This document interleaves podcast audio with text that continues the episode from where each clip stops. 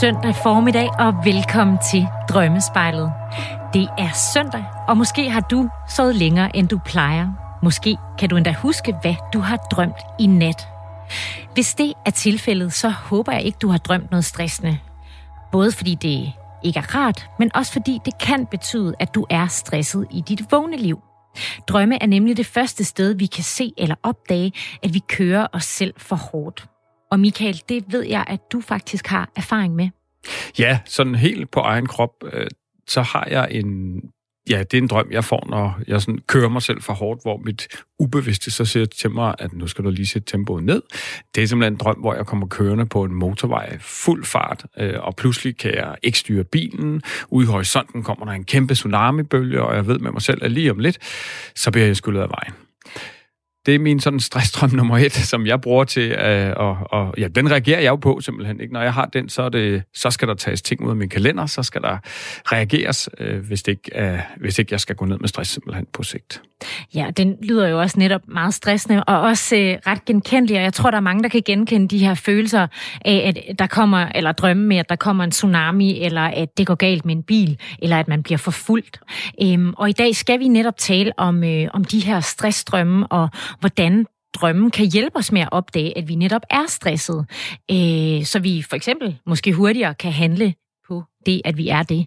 Og så skal vi naturligvis også tolke jeres drømme og svare på nogle af jeres spørgsmål i Drømmekassen. Velkommen til. Du lytter til Drømmespejlet på Radio 4 med Cecilie Sønderstrup og Michael Rode. Her i programmet tolker vi som sagt drømme. For Michael, du er drømmeekspert og drømmetolker, og det betyder, at du hjælper folk med at finde ud af, hvad deres drømme prøver at fortælle dem. For drømme har øh, ofte noget, de gerne vil kommunikere til os. Og nu kan jeg byde velkommen til Henrik på 50 fra Hobro. Hej Henrik. Hej med jer. Ja, jeg er godt nok fra Holstebro, men det skal ikke skille os ad. fra Hobro, øh, Holstebro, undskyld, ja. Velkommen til Drømmespejlet. Tak Hen- det. Har du prøvet øh, at have stressende drømme, som vi lige talte om lige før? Ja, det har jeg haft en øh, gang imellem. Det er ikke sådan, så jeg har tænkt på, at jo, de har været meget stressende. Det er ikke sådan, at jeg har tænkt på, at jeg har drømt dem i specielt stressede perioder. Men det er helt klart nogle drømme, som jeg har opfattet meget, meget stressende. Og, øh, og jeg ved også, at den drøm, du øh, gerne vil have tolket øh, af, af os, den faktisk i sig selv er ret stressende. Prøv at fortælle os, hvad der sker i den. Ja, det der sker, det er, at øh, jeg står ved en jernbane. Øh, en dobbeltsporet jernbane, typisk, hvor der er øh, et spor i den, hvor der er to spor ved siden af hinanden. Det er en lige jernbane. Det vil sige, at man kan se måske 2-3 kilometer til hver side. Der er også gerne nogle signaler, som viser rødt eller som viser grønt. Jeg skal så over på den anden side af den her jernbane. Jeg ved aldrig, hvorfor jeg skal over. Det melder drømmen aldrig noget om, men jeg ved, at jeg skal over. Jeg ved også altid, når jeg står der, at det her, det bliver noget værre hø. Ja. Fordi at, at jeg ved, at når jeg forsøger at krydse den her jernbane, så vil der komme et tog. Et tog i den ene retning, eller et tog i den anden retning. I hvert fald noget, som gør, at jeg nok kommer i overhængende fare for at blive kørt ned. Så det er noget, du har, det er noget, du simpelthen kan mærke i den her drøm? Det er simpelthen noget, jeg kan mærke i den drøm. Allerede når jeg står der, så ved jeg, at selvom det ser nemt ud, fordi jeg kan se mange kilometer i hver retning, og der er ikke tale om et eller andet japansk tog, det er ganske almindeligt dansk øh, bumletog, der vil komme, så, så ved jeg, at, at det vil bare komme susende. Øh, det er ikke sådan, så jeg, når jeg drømmer det, så, så ved jeg simpelthen godt, det er ikke sådan, så jeg tænker, lige om lidt skal jeg dø. Øh, det er ikke sådan, fordi jeg ved simpelthen godt, at det her, det skal jeg nok klare, mm. men jeg ved bare, at det bliver hamrende ubehageligt, når jeg øh, lige om lidt træde ud på de skinner, og så kommer der et tog susende. Det skal også siges, at drømmen stopper altid, inden at jeg kommer over på den anden side og kan tørre sveden af panden og sige, pyha, det gik også den her gang. Det er ikke sådan noget med, at, at jeg bliver ramt af tog. Det er bare ligesom om den cutter, når jeg er kommet ud på skinnerne og kan se, at det der tog, det kommer, det kommer bullerne. Øh, og det, der er så frustrerende ved det, det er, at at jeg tit kan se, at der står, øh, der er rødt signal. Det vil sige, jeg ved jo også, at der er ikke noget tog på vej.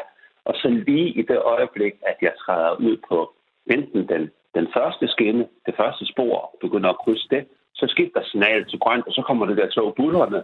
Og det er også nogle gange, hvor jeg først er henne på spor nummer to, og så kommer der lige pludselig et tog bullerne. Mm. Øhm, og... og så, så, det er jo sådan set ret simpelt. Det der er det, det, det, det sjove, hvis jeg lige må fortælle os det, det er, at i min drøm, der, der ved jeg altid, at jeg er et bestemt sted, og det er på, øh, på Østfyn, øh, noget der hedder Juleby, hvor mine øh, bedsteforældre de boede. Det var en station, som var blevet nedlagt kort tid for inden, da jeg var barn. Og vi gik nogle gange ned for at se toget ned på stationen. Og der var stadigvæk det der øh, signal, der hedder, øh, gå ikke over sporet, der kommer tog. Den kørte stadigvæk, når toget det kom, og det kører stadigvæk på øh, banegård rundt omkring, og jeg får mm. flashback hver eneste gang. Øh, fordi jeg var så bange, da jeg var lille, der, tro, der forstod jeg ikke det med, at et tog kører på skinner. Øh, jeg troede simpelthen, at tog, hvis det var, så kunne det godt komme til at køre op på perronen og køre og sådan noget. Mm. Så jeg var både fascineret af de der tog, og jeg var samtidig bange for, at de kunne, at de kunne køre sådan noget. Og det er faktisk der lige et par hundrede meter ved siden af den station, at jeg står, når jeg har den der drøm. Det er bare sådan en lille sidebemærkning. Ja, ja. Ja. Hvordan, øh, Henrik, hvordan påvirker den her drøm dig, når du har den? Jamen altså, ja, det er jo det, der er lidt besynderligt ved sådan en drøm som den. Fordi jeg ved jo godt, når jeg drømmer den, at det på en eller anden måde ikke ender skidt. Det er ikke sådan, så jeg som sagt tror, at jeg skal dø, men jeg opfatter den, mens jeg drømmer den som altså virkelig, virkelig ubehageligt. Mm. Øhm, og, øh, og også når jeg, nu er det nu lang tid siden, jeg har drømt den sidst, men det er en, jeg helt klart har drømt igen og igen. Og det er da også sådan, når jeg vågner efter sådan en drøm, så tænker jeg, pyha, det var da, ah, det er da godt, at uh, der ikke lige er sådan nogle uh, sporkrydsninger forude. Ja. Jeg har også drømt en variation en gang. Det er kun en enkelt gang, hvor jeg så faktisk kører i traktor, som en gammel traktor. Og så er jeg ved at krydse nogle spor. Uh, det er sådan en enkeltsporet jernbane. Så går det på en jernbaneoverskæring. Så går bomben ned. Og så er jeg så fanget der i, uh, okay. på den der traktor af alle køretøjer. Så der er noget med det her med at være fanget på, på, med et tog øh, på vej mod, ja, lige mod altså, dig. Ja. ja, altså netop også fanget på den måde der med, at en eller anden grund skal jeg over de, de skinner. Det er ikke bare sådan, at jeg kan sige, at må, man må jo ikke krydse skinnerne på sådan Det plejer jeg heller ikke. Jeg er ikke en, der overhovedet kunne på at gøre sådan noget. Og det er også derfor, det er så åndssvagt, for jeg har jo ikke, hvad er formålet med, ja. at jeg skal over de skinner. Det, det fortaber sig i uvidstheden. Ja utrolig spændende drøm, Henrik, og øh, dejligt, at du har, øh, det synes jeg jo, og dejligt, at du har skrevet ind til os. Øh, du sætter selv ord på umiddelbare tanker omkring, hvordan du i barndommen, altså i og med, at drømmen jo starter det her sted, ikke, øh, ved øh, Juleby, øh, og øh, har det som udgangspunkt, øh, og, og oplagt kan man selvfølgelig dykke ned i, om der simpelthen har været noget der, der har sat sig i dig, ikke, som går så dybt, at du går rundt med sådan en, en, en, en angst, som du ikke rigtig har fået arbejdet med.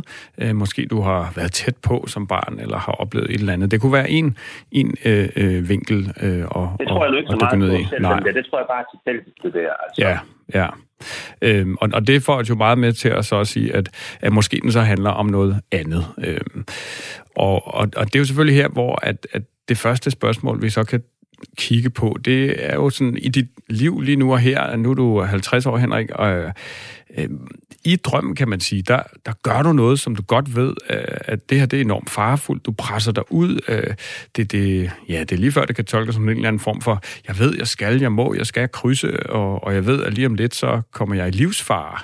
Øh, det er i hvert fald sådan, jeg hører det, du siger. Ikke? Du ved, du ikke kommer til at dø, men det opleves bestemt som om, at du kommer til at dø. Er det ikke rigtigt? Jo, det er rigtigt. Og kan du, kan du se sådan i din i dit vågenliv en eller anden tendens til sådan hele tiden at vil presse dig selv videre og frem, øh, øh, sådan, ja, sådan lidt utålmodigt på en eller anden måde, øh, måske uden egentlig helt at vide, øh, hvorfor du gør det. Altså, du siger jo selv, øh, når du gennemgår drøm, at du, øh, du, du ved bare, at du skal det på en eller anden måde, øh, samtidig med, at det ikke rigtig giver mening. Ja, jamen det, altså, ja, det egentlig er det, jo, er det jo ret simpelt, fordi det afspejler egentlig meget godt sådan i perioder af mit liv, eller måske sådan en eller anden grundpræmis i en del af mit liv, den måde, jeg, mm. jeg er på. Og det er også noget, jeg har prøvet at ændre tit og sagt til mig selv, nu skal du ikke lige gøre sådan og sådan, fordi bare tage og, og, og slappe af. Så, så det, på den måde kan det godt tolkes derhen, at jeg nogle gange presser, presser mig selv og ligesom siger, at det, øh, det skal du også gøre, eller det gør du. Altså tit, fordi det er noget, jeg har lyst til. Mm. Hvad Men mener du med, når du siger, at det er den måde, du er på? Prøv at beskrive, hvad du mener jamen, med det. Jamen, det er nok fordi, at det er i hvert fald noget, jeg tit har hørt sådan i mit, øh, i mit voksne liv, at jeg er den type, som er... Øh, jeg kan godt lide at sætte ting i gang. Jeg er sådan en type, som hvis der er nogen, der har en idé, så siger jeg altid ja. Hvis der er nogen, der skal have hjælp til et eller andet, eller hvis der er et eller andet skørt, man skal have gjort, så siger jeg også altid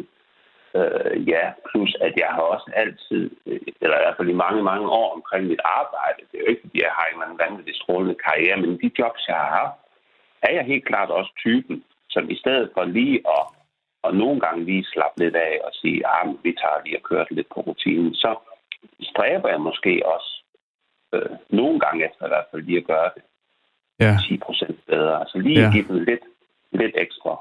Og i situationen måske ikke være så bevidst om, at det er det der, altså før du ligesom siger, ja, det vil jeg gerne, nu gør jeg, nu kaster jeg mig ud i det.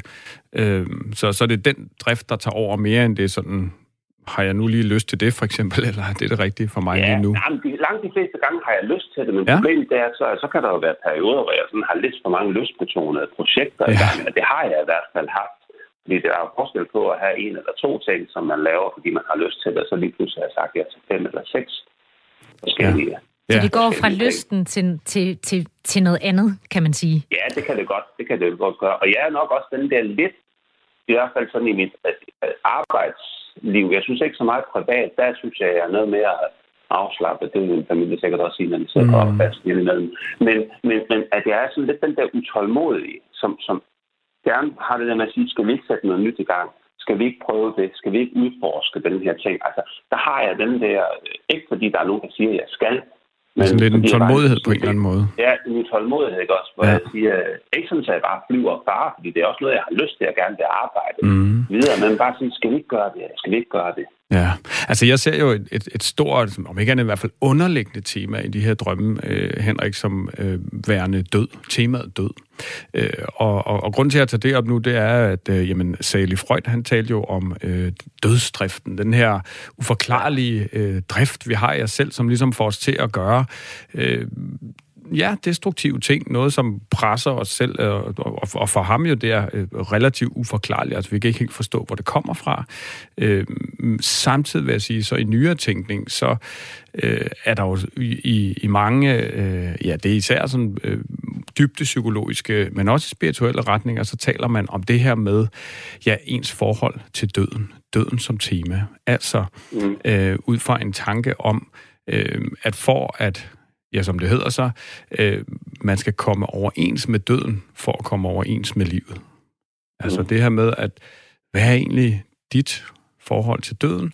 Lige nu og her, er det noget, du har tænkt over, forholder dig til? Øh, øh, Hvorfor kommer du til at tænke på det, Michael? Jamen det gør jeg simpelthen, fordi at, at, at, at at det er jo den her situation, Henrik har i drøm, hvor han kaster sig ud på de her skinner, som, som umiddelbart udefra set, så opfattes det jo som noget, at lige, lige om lidt, så bliver, så bliver du kørt over, Henrik, ikke? Og, og, så, er det, øh, og, og så er det ligesom slut. Øh, og, og det kan jo godt, ud fra det, du også øh, sætter ord på, ikke? Den her tendens til at hele tiden at have travlt, og, og hvad er det, du har så travlt med, kan man sige, ikke? Øh, hvor at et bud fra drømmeverden jo simpelthen øh, kan være det her med, ja, sådan meget firkantet sagt, er du bange for at dø? Mm. Ja.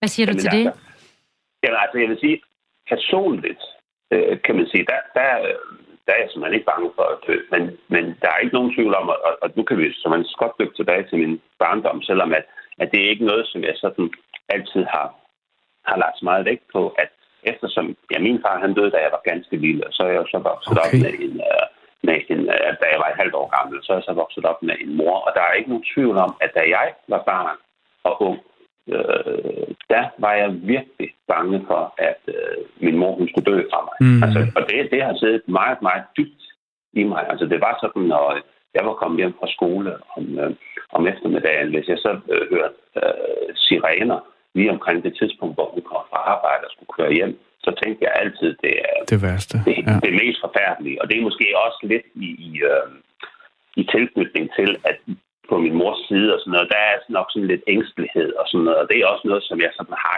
en, fli af. Det er der ikke nogen tvivl om. Mm. Øhm, så og hvor så med, har... Og hvor så, undskyld, jeg sådan afbryder Henrik, ja. øh, men, men, men hvor så med den her drøm, øh, så vil den jo sige noget om, at du måske også selv er bange for at dø og, og kan få noget af at dykke ned i det tema. Altså igen den her tænkning ja. omkring, at øh, for at, ja, som det hedder på engelsk, make, make peace with uh, death in order to make peace with life. Altså ja. komme overens med, med det her faktum med, at man skal dø. Man kan næsten sådan se for sig, hvordan at, at du har døden løbende i hælene på en ja. eller anden måde, ikke? Og, ja. øh, og det er den, der presser dig ud, hvor du ligesom kan stoppe op og vente om og sige, hvad ved du mig? Og, og ligesom begynder mm. at arbejde med den der med, Ja, ja, simpelthen dit forhold til døden, ikke? Øh, som, ja. ja, det kan jo tage utrolig lang tid at tale om. Øh, øh, men, men hvordan har, har du selv sådan det helt ind under huden, ikke? At livet slutter en dag, øh, mm. øh, og, og altså stort spændende tema, som ja, ja jeg er jo helt sikkert vil invitere dig til at, at potentielt tale med, med, med andre om, og ikke mindst have dialog med dig selv omkring. Hvad siger ja, du, når, eller hvad tænker du, Henrik, når, når, når Michael øh, foreslår det? Det synes jeg, der er spændende. Det var ikke sådan lige det, jeg selv havde tænkt på, for jeg har netop mere tænkt på det som, som noget, det vi også lige berørt omkring, omkring stress, men jeg tror sagtens, Michael han kan have en, en pointe, fordi udover sådan at være lidt ængstelig, det var dels min mor, og så kan det være mine børn nu, øh, efter jeg har fået, fået dem, så, så er der også lidt, så er der lidt den lidt besynderlighed omkring mig, selvom jeg føler mig som et afklaret menneske, der, alt det der, at, at så har jeg det sådan nogle gange med, med, med, med alder, at jeg ligesom siger, okay, nu er jeg blevet 50, ikke også? Og det gik jo også, da jeg var blevet 40, ikke også? Så sagde jeg ligesom til mig selv, nu har du levet halvdelen af mit liv. Nu er jeg så lige blevet 50 for nogle måneder siden. Mm. Så siger jeg, okay, nu har du altså levet over halvdelen af, af dit liv. Øh, og, og, og, det kan godt være, at der er sådan et eller andet øh, omkring det, men i så fald er det meget ubevidst, fordi ja. det er ikke sådan, at jeg overhovedet, når jeg kører på arbejde om morgenen eller et eller andet, så jeg aldrig, eller hvis jeg står, øh, dengang man kunne, der stod på et stadion til en koncert, jeg er aldrig bange for, at der kommer en sindssyg mand ind, eller der er en lastbil, der kører over min vejbane, eller et eller andet. Og det er jo godt. det må være noget meget ubevidst, jo. ja. Ja, og Henrik, det er faktisk, øh, hvad vi når nu, men det lyder som om, at øh, Michael har givet dig lidt at tænke over. Jamen, det synes jeg var meget spændende, det der, det der tema omkring døden. Så det kan være, at jeg skal ned og, og låne nogle bøger ned på biblioteket omkring det, og se døden i øjnene. Simpelthen. Tak fordi du øh, ville dele din drøm med os her i, drømmespej- i Drømmespejlet, Henrik. Jamen tak for det, og tak for rådet. Ja, jeg er drømt om skønhedspletter. Om skønhedspletter? Ja. Hvad har du drømt om skønhedspletter? Jeg drømte om jeg havde det. Hvor havde du skønhedspletterne hen? Jeg har det der, det der.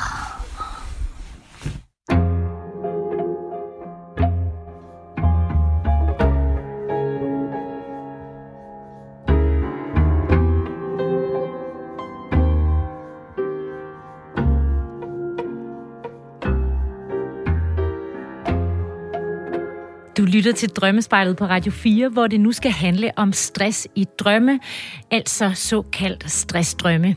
Drømme er nemlig ofte det første sted, stress kommer til udtryk. Og Michael, hvordan kan det være? Jamen, sådan lidt øh, for simpelt sagt, så handler det jo simpelthen om, at drømmene er det sted, nok det eneste, hvor at krop og psyke taler sammen, så at sige. Altså, der er simpelthen en forbindelse i, på billedvis, billedformat øh, mellem krop og psyke. Øh, og, og det er derfor, at der hele tiden er tyd, bliver tydeliggjort, kan man sige, hvordan går vi egentlig rundt og har det rent kropsligt. Og hvordan ser, øh, hvordan ser stressdrømmen typisk ud? Altså, hvad skal man reagere på? Ja, men overskriften er jo, nummer et, det er meget individuelt. Nummer to, følelserne i drømmen. Altså, hvordan, hvordan har jeg det i drømmen? Hvad er mine umiddelbare følelser? Er det en stressfølelse, så er der i hvert fald noget at gå efter der, kan man sige. Ikke? Men klassiske temaer, om man vil, øh, er for eksempel, altså nu min egen drøm med at komme kørende på en motorvej og ikke kunne styre bilen og være ved at blive skyllet af vejen. Øh, klassisk, klassisk drømmetema, øh, når man er stresset. Fordi at i drømmene, der optræder bilen simpelthen tit som et billede på vores krop. Altså den maskine, eller det øh, Jacobus jo, som, vi, som, som som, hvad skal man sige, transporteres rundt til daglig. Øh, og, og i det billede, hvis man skal sådan tage den helt ud, så kan man jo simpelthen drømme om, at man har en ramponeret bil, øh, at man løber tør for benzin øh, og ikke kan komme videre. Øh, altså sådan lidt en slags advarsel om, at, at, at lige nu så kører der altså bare på pumpestokkene her, og hvis man så i øvrigt ikke kan bremse eller se ud af forruden, så bliver det sådan potentielt meget tydeligt, hvordan at lige nu er den sådan rimelig skidt, øh, står det rimelig skidt til øh, på det kropslige plan. Og det er jo sådan en meget fysisk genstand, kan man sige. Ja. Ikke? En bil, der er den ene eller den anden grund ikke dur. Lige præcis. Øh, Og det sjove er faktisk, i gamle tid, altså når man kom længere tilbage, så kunne man drømme på tilsvarende måde om heste. Øh, okay. Simpelthen. Fordi det var bliver- det transportmiddel, ja, og så kunne man drømme om syge heste, eller ramponerede heste, eller heste, der ikke får nok at spise. Altså igen, drømmesprog er fantastisk, ikke? Og igen, det kan betyde utrolig mange ting. Det er jo vigtigt selvfølgelig at have den med. Altså måske er der et eller andet med ens bil i øjeblikket i virkeligheden, som man lige skal tænke over. Men hvis det ligesom ikke er aktuelt, så er der, kan, der, kan det give utrolig god mening at tænke, okay, den her ramponerede bil, eller den her hest. Jeg er helt sikker på, at der er stadig mange, der kan drømme om det billede, øh, som billede på kroppen. Ikke? Øh, øh, Hvorfor det? Øh, fordi det simpelthen ligger så dybt i, i, i, i, i hvad Jung vil kalde det, det, det kollektive ubevidste, ikke? Altså noget, vi alle sammen har med, og som et klassisk billede. Hvorfor er det, at, at, at lige præcis det med bilen er noget, utrolig mange drømmer. Det er jo ikke noget, vi egentlig sådan taler om. At det ligger åbenbart forprogrammeret i det ubevidste. Det samme har hestene gjort, så det vil nok være sådan et... Altså drømmene, kan man sige, øh, afspejler jo også tiden, heldigvis, øh, og der, altså, det ubevidste, den ubevidste, øh, øh, det kollektive ubevidste, tager ligesom også øh, udviklingen med, øh, og i stedet for at det har været øh, så er heste, så er det i højere grad biler for, for rigtig mange. Så det er altså et stort tema. Øh, et, et andet tema er øh, drømme om, at... Øh, jamen, jeg har et, et konkret eksempel, det er jo bare sådan et eksempel på, hvordan det kan se ud, øh, men forfølgelsesdrømmen. Der var en kvinde, der henvendte sig til mig for, øh, ja, det efterhånden nogle år tilbage, øh, hvor hun fortalte, at tidligere i hendes liv, øh, 10 år tidligere, havde haft sådan en periode, hvor hun blev ved med at drømme om det samme. Hun drømmer, hun kommer løbende på en vej, øh, og der er nogen efter hende. Og det, som er hvad skal man sige, situationen i drømmen, det er, at hun er hele tiden lige ved at falde i grøften, og hun skal hele tiden passe på, at hun ikke falder i grøften. I en af hendes drømme, som jo er en tilbagevendende drøm hos hende, så lykkes det for hende at vende sig om. Og da hun vender sig om, så ser hun, at det er hendes chef og hendes kolleger, der er efter hende. Og der kan det jo blive sådan meget tydeligt, kan man sige. Altså, der er noget her øh, i vågenlivet, øh, som måske presser hende, og det er at falde i grøften, billede på, og ja, for hende gå ned med stress. Det er jo sådan en meget tydelig, øh, kan man sige... Det synes jeg, drøm- og, og det viser jo for hende, at, at altså, hun var nysgerrig på, hvorfor hun havde de drømme, og det viser, at hun var gået ned med stress i den periode. Ikke? Så det kan jo, på den måde kan det blive utrolig øh, tydeligt. Et sidste, øh, synes jeg, øh, fantastisk øh, billede i drømmene, som eksempel igen, er noget med gentagende gange at drømme, at man kører over for rødt. Altså, kroppen siger, stop, hold hertil, ikke længere, stop op, øh, gør noget andet, øh, men vi kører bare på. Ja. Øh, og hvis man så gentagende gange får øh, det, det røde lys i drømmene, ikke, og man bare ignorerer, jamen, så, så ved vi alle sammen godt, hvad der så kan ske. Ikke? Øh, Ja. Og uden sammenligning i øvrigt, men Henrik, vi lige havde igennem, som godt Ja. ved, at han ikke skal stille også sig ud på skinnerne. mig, ja, helt sikkert. Ja, øh, Og sådan en anden alligevel. kontekst. Lige ja. præcis, ja. Ja. Men, men klasse, til tre store, for, for mig sådan klassiske temaer, øh, som kan sætte billeder på stress, men summa summarum, det er meget individuelt. Og kig efter følelsen i drømmen. Øh, Er du stresset i drømmen? Angstfyldt? Prøv at finde forbindelsen til vågenlivet. Så det er altså nogle af de drømme, der kan indikere, at, øh, at man er stresset eller er ved at få stress. Og, øh, og det er selvfølgelig en god ting at handle på, fordi det kan man blive meget syg af. Øh, og ja, så kan man måske tage stilling til, om man skal søge professionel hjælp, eller mm. ligesom få ændret de ting i ens liv, der skaber de her stressende forhold. Mm. Men forudsætningen for, at man kan handle på de her drømme, det er, at man kan huske dem. Og mange af jer lyttere har skrevet til os, at I godt kan have lidt svært ved at huske jeres drømme, og at I gerne vil blive bedre til det. Og det vil vi selvfølgelig rigtig gerne hjælpe jer med. Så lidt senere i programmet, øh, der laver Michael en guide til jer. Altså en guide i, hvordan I bliver bedre til at huske jeres drømme. Du lytter til Drømmespejlet på Radio 4 med Cecilie Sønderstrup. Og Michael Rode. Velkommen tilbage til Drømmespejlet, programmet, hvor vi tager dine drømme under kærlig behandling og taler om alt, hvad der har med vores drømmeliv at gøre. Det er blevet tid til at dykke ned i endnu en lytterdrøm, og den kommer fra Marie. Marie på 26 fra Aarhus. Hun skriver, jeg er en ung kvinde på, ja, 26, og jeg har, så længe jeg kan huske, interesseret mig for mine drømme, som jeg i øvrigt har rigtig mange af, og de er meget virkelige for mig. Jeg er ret sikker på, at de følelser og tanker, jeg har i mine drømme, er virkelige, selvom jeg sover, og det kan være ret udmattende til tider. Og så beskriver Marie her en specifik drøm. Jeg drømte, at jeg fødte et barn. Mit eget barn. Jeg drømte, at jeg fødte et barn. Mit eget barn. En lille pige.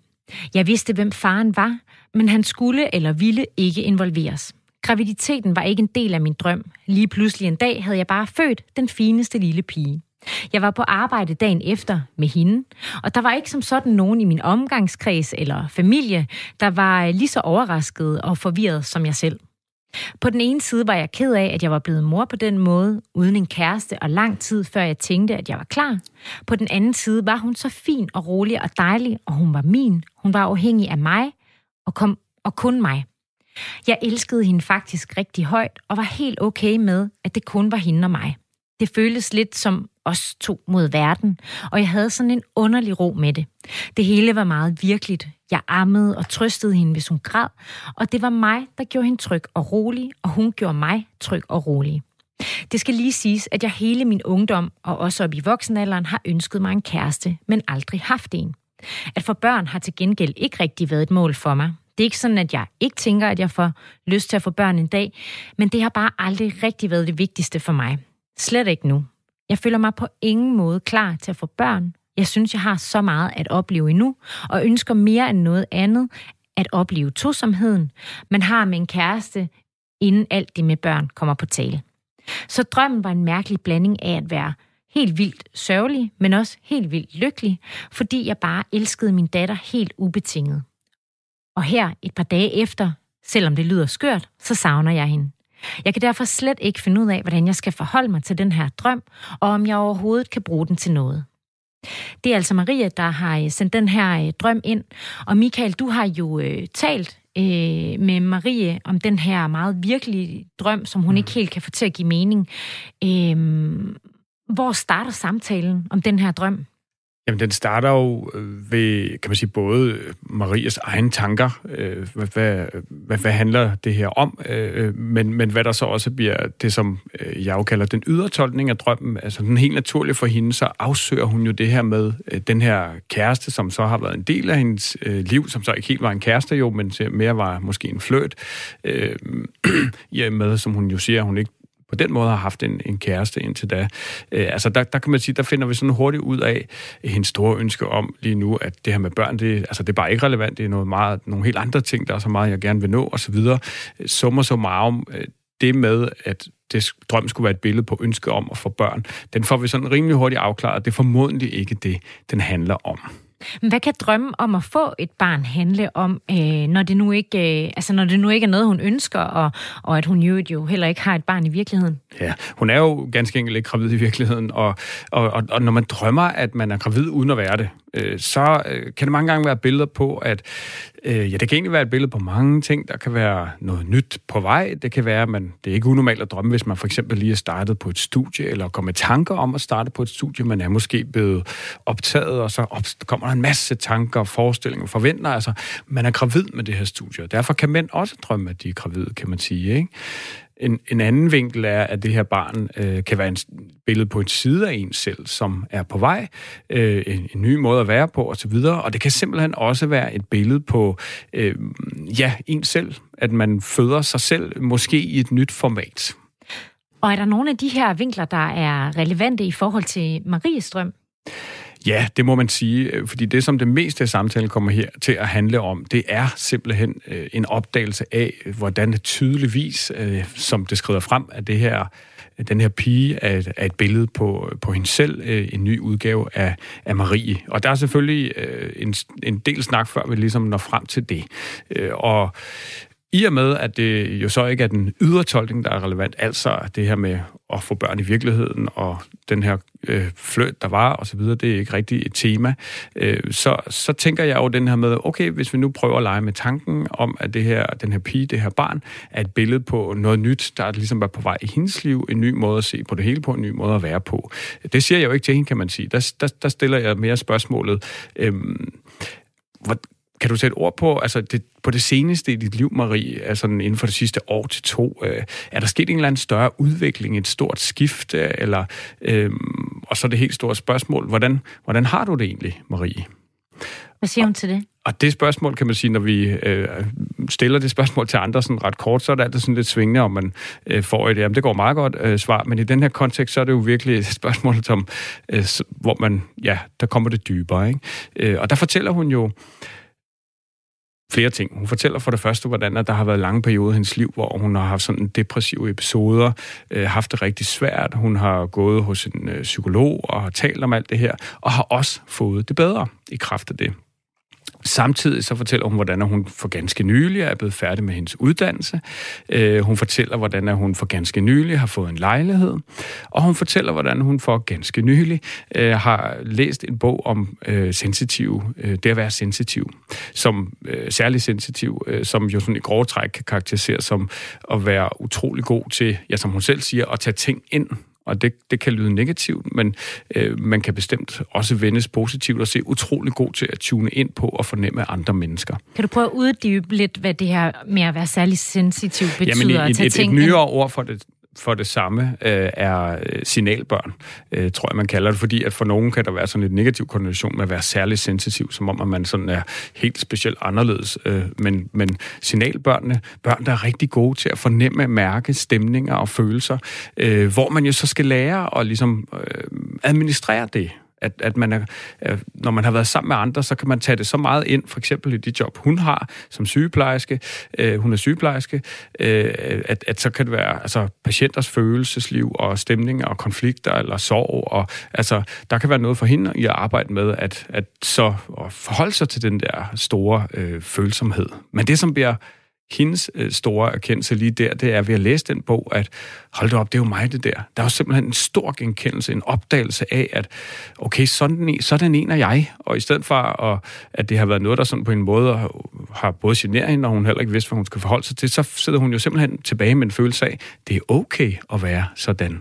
Det, det er simpelthen øh, både nummer et, der er utrolig mange, der er ligesom mig øh, i, i det arbejde, jeg gør, at, er det virkelig noget, mange øh, opdager, øh, ja, at de tænker, rigtig mange tænker, at jeg er den eneste, der har det sådan her, fordi at det jo ikke er noget, man taler med andre om. Men det er jo så der, hvor jeg kan fortælle sådan, altså, ja, du drømmer ikke om, hvor mange jeg har talt med, som beskriver præcis det, du også beskriver.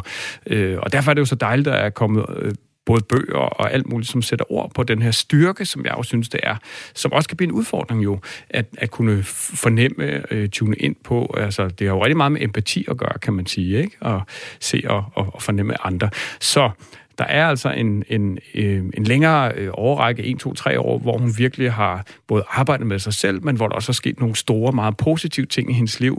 Uddannelse, øh, lejlighed, øh, opdagelsen af, at at jeg er på en bestemt måde, og det er egentlig okay, og der er mange andre, der har det på samme måde, som gør, at pludselig så får hun øh, stille og roligt mere øh, ro i sig selv, øh, ja, lever med sig selv, kan man sige, på en helt anden måde. Og det er jo det, den her baby kommer til at blive et stærkt, stærkt billede på.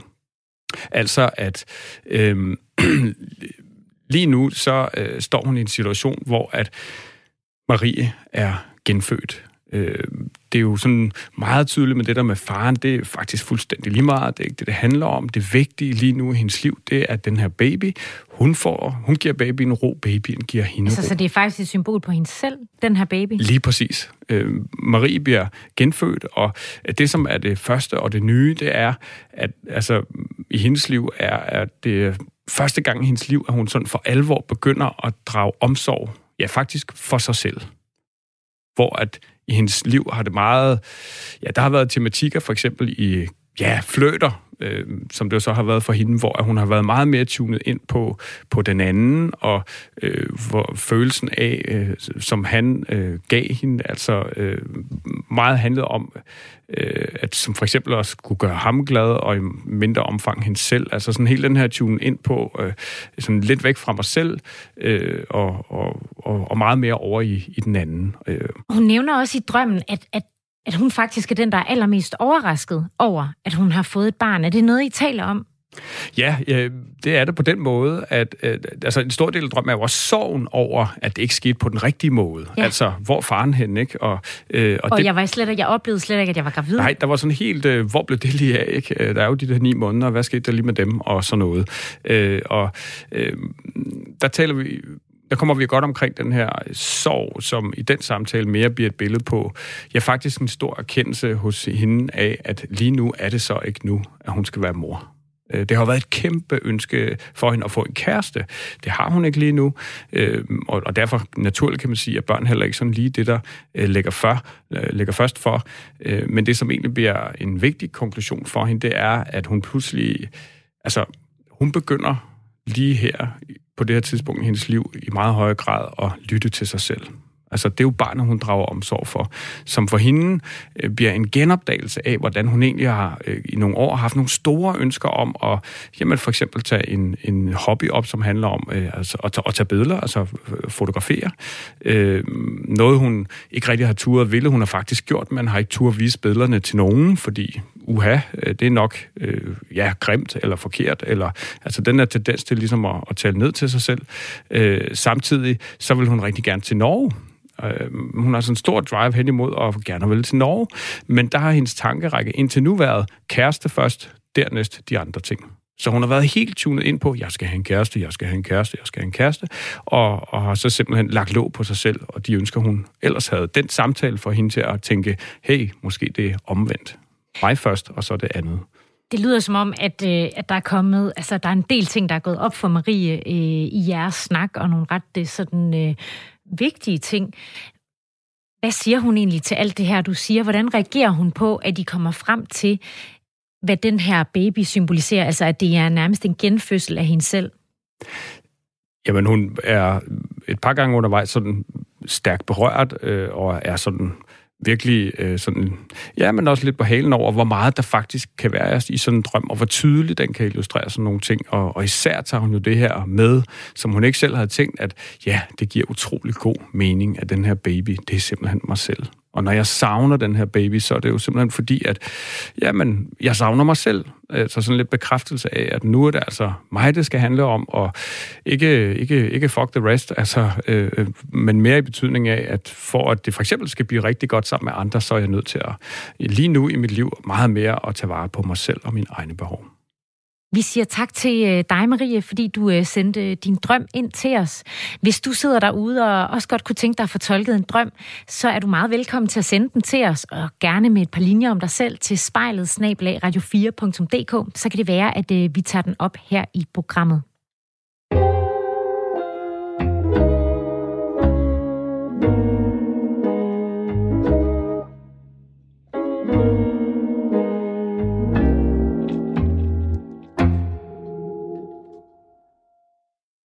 Jeg har drømt, at vi, mig og far og Isabel var en farlig sted, og det var så farligt, at øhm, vi spurgte, om Isabel ville være med til at hoppe, og så, så ville hun ikke. Så kram mig og far hinanden, og så hopper vi afsted. Så fløj vi hjem igen, og det var dejligt. Det var godt. Her, her i Drømmespejlet har vi en brevkasse, som vi kalder Drømmekassen. Den kan I skrive til med alle jeres spørgsmål om drømme, søvn og ja, drømmeliv generelt. Og et af de spørgsmål, som vi har fået flere gange, det er det her. Hvordan bliver jeg bedre til at huske mine drømme? Hvis du er en af dem, der godt kunne tænke dig at blive bedre til at huske dine drømme, så skal du spidse ører nu, for Michael, du har nemlig lavet en lille guide til vores lyttere. Take it away. Ja, tak skal du have. Øh, ja, altså, øh, og der er potentielt øh, flere ting, men grundlæggende overskriftsmæssigt, så handler det om det her med at blive bedre til at huske sine drømme, at interessere sig for dem. Simpelthen have en dyb følelse af, at det her, det synes jeg er spændende, det vil jeg gerne gå ind i. Jo mere man sådan er ægte motiveret for det, Man skal jo være bedre. åben. Ja. Ja, man skal simpelthen være åben over for, at, at der er noget her. Øh, nysgerrighed, åbenhed. Øhm, og et godt sted at starte, kan man sige, hvis man har den der følelse, jamen det er simpelthen så lavpraktisk som at gå rundt og sige til sig selv øh, hele dagen, jeg vil rigtig gerne huske mine drømme, når jeg vågner, jeg vil rigtig gerne huske mine drømme, når jeg vågner, og så forsøge at mene det, kan man sige. Ikke? Altså sådan, øh, altså sådan højt, skal man, når man lige har en stund, når man lige er ude og tis, eller vasker hænder, eller hvad man nu gør i Ja, løbet af måske dag. står med sig selv. Ja, øh, gerne højt, så bliver det jo i hvert fald tydeligt, og så er det sagt, så er det meldt ud. Det kan som sådan også være øh, i sig selv. Ikke? Det handler jo om at, at igen at tune ind på det, og få sagt faktisk til sit ubevidste, jeg vil gerne i dialog med dig. Det er det, det, er det, man lidt siger der. Øh, og, så, og så er der noget andet, som, øh, jeg ved ikke, Cecilie, øh, snuser du om morgenen, når du... Ja, Det gør du. hver eneste dag, Ja. tror jeg. Det er ikke- Selv, selv når jeg er vågnet af mig selv, lige før mit ur ringer, så, Så skal den lige have... så skal den lige have 10 minutter mere, Ja. også selvom Ja. jeg er vågen. Ja. ja, og det er jo ikke nogen skidt ting, hvis man gerne vil huske sine drømme. Fordi det er jo det her med, at når vi øh, er i drømmesøvn, så er vi næsten vågne. Altså remsøvn, ikke? Den er jo den letteste form for søvn. Øh, Det vil sige, at vi er sådan lidt i den her mærkelige tilstand mellem med at drømme og, og være vågen, altså sovne og, og være vågen. Øh, Og øh, jo mere vi kan bibeholde eller være i, blive i den tilstand, ja, jo bedre. Og det kan vi jo gøre ved, i stedet for at styrte ud af sengen og ud og ringer, øh, så simpelthen blive liggende og, og prøve ligesom at være i den drøm, der så måske var, eller sådan tune ind på at være åben over for, ja, så kan man opleve lige der, og så kommer der en drøm op, som man måske lige har haft. Så simpelthen prøve at se, om man kan komme i tanker om, hvad det er, man har drømt. Ja, hvis ikke der lige er en drøm. Ja. Øhm, og det er der tit. Det er tit med drømmen, man våg, altså i hovedet, at man vågner, ikke? Og, Ja. og det er klart, hvis man så styrter ud, øh, ja, det kan være, fordi man har en travl morgen, og børn der og dit og dat, øh, jamen så kan det være svært, ikke? Men hvis man har muligheden for lige at ligge der og snuse lidt, så er det altså rigtig godt. Det er meget sjovt, du siger det, fordi at øh, jeg har jo øh, længere og kortere perioder, hvor jeg ikke sådan kan huske mine drømme så godt, men efter vi begyndte at lave øh, drømmespejlet, så er jeg virkelig begyndt at huske mine drømme, og det tror jeg fordi vi snakker så meget om det, at Ja. jeg på et eller andet ubevidst Ja. plan går i gang med det, og det er så tit, at det netop er, når jeg vågner, så ligger jeg lige og tænker over, hvad var det lige, jeg drømte, og Mhm. mm-hmm. så prøver jeg at gætte mig til, hvad du må tænker, det betyder. Øh, så, øh, så, så jeg vil sige, det, det hjælper i hvert fald, fordi så kan jeg også huske dem senere, det her med, at jeg har lige ligget og, og vendt dem, inden jeg sådan dagen begynder, så Ja. kan jeg også bedre huske dem. Og hvad er det fedt, du siger det, Cecilie, fordi det er jo øh, en, en stor, stor ting også på, på den her liste eller guide over, hvad kan man gøre. Jamen, begynd at arbejde med dem, øh, eller læse litteratur om drømme. Bøger om drømme, mine egne eller andre. Øh, altså, jo mere man tuner Ja, ind for på... du har skrevet nogle drømme, eller bøger om drømme. Jeg har skrevet øh, to bøger, ja, øh, og, og ved at, at, at læse bøger om det, så sker der det, som du også sætter ord på, at så er det noget, man begynder at fokusere på, og bum, så kan der være øh, hul igennem. Jeg kan huske, jeg var med i øh, DR's øh, sundhedsmagasinet med øh, hende, der hedder øh, Nola Gormand, øh, hvor hun ikke havde så stor tilgang til hendes drømme, altså der, hun kunne ikke huske dem. Øh, og hun oplevede jo simpelthen, som hun beskrev det, at det var øh, ved at begynde at gøre nogle af de her ting, øh, så var det nærmest som om, det bare var en knap, der skulle trykkes på, så, om, så væltede det ud med, med drømme. Ikke? Øh, Det tror jeg ikke, det er sådan, det er for alle, men, men egentlig bare for at illustrere, hvor, hvor, hvor let det potentielt, kan være, og ja, som jeg plejer at sige, tune ind på, på den kanal, som hele tiden er der, og som er noget, vi så bare skal være modtagelige og åbne over for og vil øh, tune ind på. Er der Øh, andet, vi kan gøre? Ja, altså, ud, over, ud over alle de her ting, så øh, er der jo simpelthen noget med at selvfølgelig at få dem indtalt. Og der er jeg jo øh, stor fortæller for netop at indtale modsat at skrive ned, og det er blandt andet fordi, at jamen, det går hurtigere, vi kan lukke øjnene, altså på en diktafon eller smartphone-diktafon. Øh, vi kan sådan lukke øjnene, stadig være i drøm, i stedet for at skulle tænde lys og finde kuglepind og sådan noget. Så bare ligge der og, øh, og, og indtale den. Og der, der er jo noget vigtigt der at sige, at mange kan finde på at tænke, ah, ja, så drømte jeg lige om den der lyserøde bil, der kom flyvende, øh, og det var det, jeg ligesom kunne huske, og det kan jo muligt betyde noget. Jeg lægger mig til at sove igen. Øh, det her er jo øh, sådan, i starten vil jeg sige, sådan lidt slidsomt arbejde, især hvis man også, det kan være midt om natten jo, øh, øh, men der er altså bare noget i, at hvis man har den her følelse, det var et lille element fra en drøm, det er nok ikke noget, prøv at begynde at indtale den. Rigtig tit vil man opleve, at bum, så kommer hele drømmen i meget mere detalje. Nå, og, okay. ja, øh, så simpelthen Man i skal gang. bare gå i gang. Man skal Ja. bare gå i gang, ja. Øhm, og så selvfølgelig, apropos drømmespejlet, udsendelsen her, øh, begynd at arbejde med dem. Begynd at tænke over, hvad handler det her om? Hvorfor får jeg dem? Øh, øh, hvordan er de relateret til det, der sker i mit vågenliv? Og så videre, og så videre, og så videre. Altså simpelthen gå, gå ind i drømmene. Ja, og det kan jo selvfølgelig være lidt af en gætteleg, fordi man kan jo tro noget, og så for eksempel, som vi hørte lige før med Marie, der tænker, har det noget med, at jeg gerne vil være mor at gøre? Det kan jeg ikke helt forstå.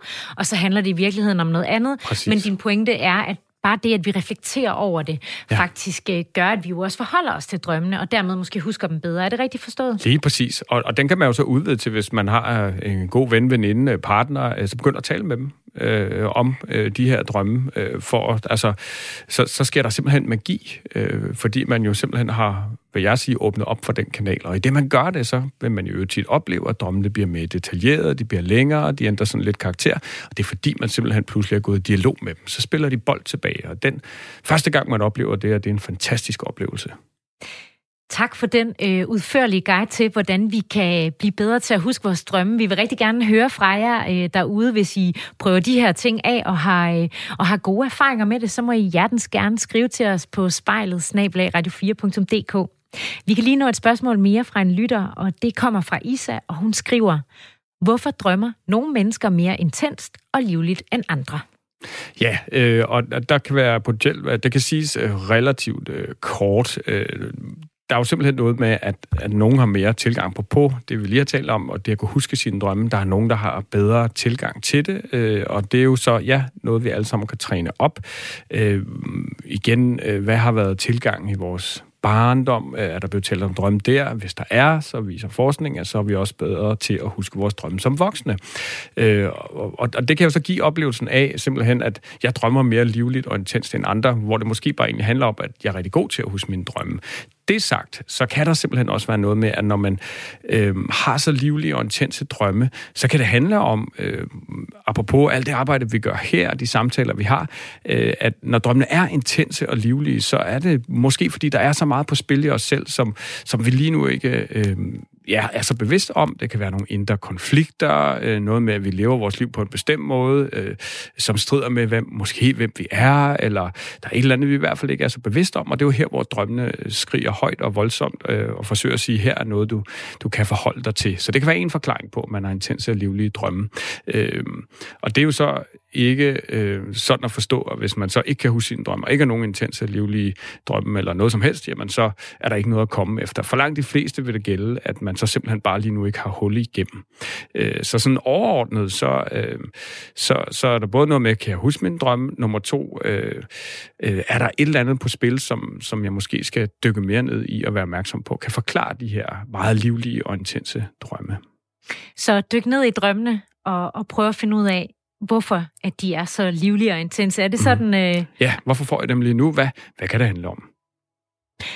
Kære lyttere og drømmer, det var, hvad vi havde til jer i Drømmespejlet i dag. Tak fordi I lyttede med. Hvis du har et spørgsmål om drømme, eller har en drøm, du gerne vil have tolket, så skriv til spejlet radio4.dk, så kan det være, at vi dykker ned i dit spørgsmål eller din drøm. Og noget andet, du meget gerne må sende til os, det er optagelser af dine børns drømme.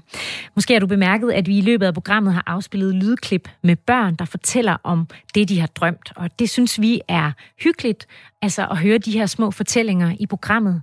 Og øh, derfor vil vi gerne appellere til, at I sender os jeres børns drømme, hvis øh, jeres børn godt kan lide at fortælle om dem. Og det kan I også bare gøre til øh, spejlet radio4.dk, og det kan optages med noget så øh, nærværende som en smartphone. Til sidst er der bare at sige, at du som altid kan genhøre dagens udsendelse på radio4.dk, Radio 4's app, eller hvor du ellers foretrækker at hente dine podcasts. Dine værter i dag var Cecilie Sønderstrup og Michael Rode. Drøm dejlige og forhåbentlig ikke stressrelaterede drømme, til vi lyttes ved igen.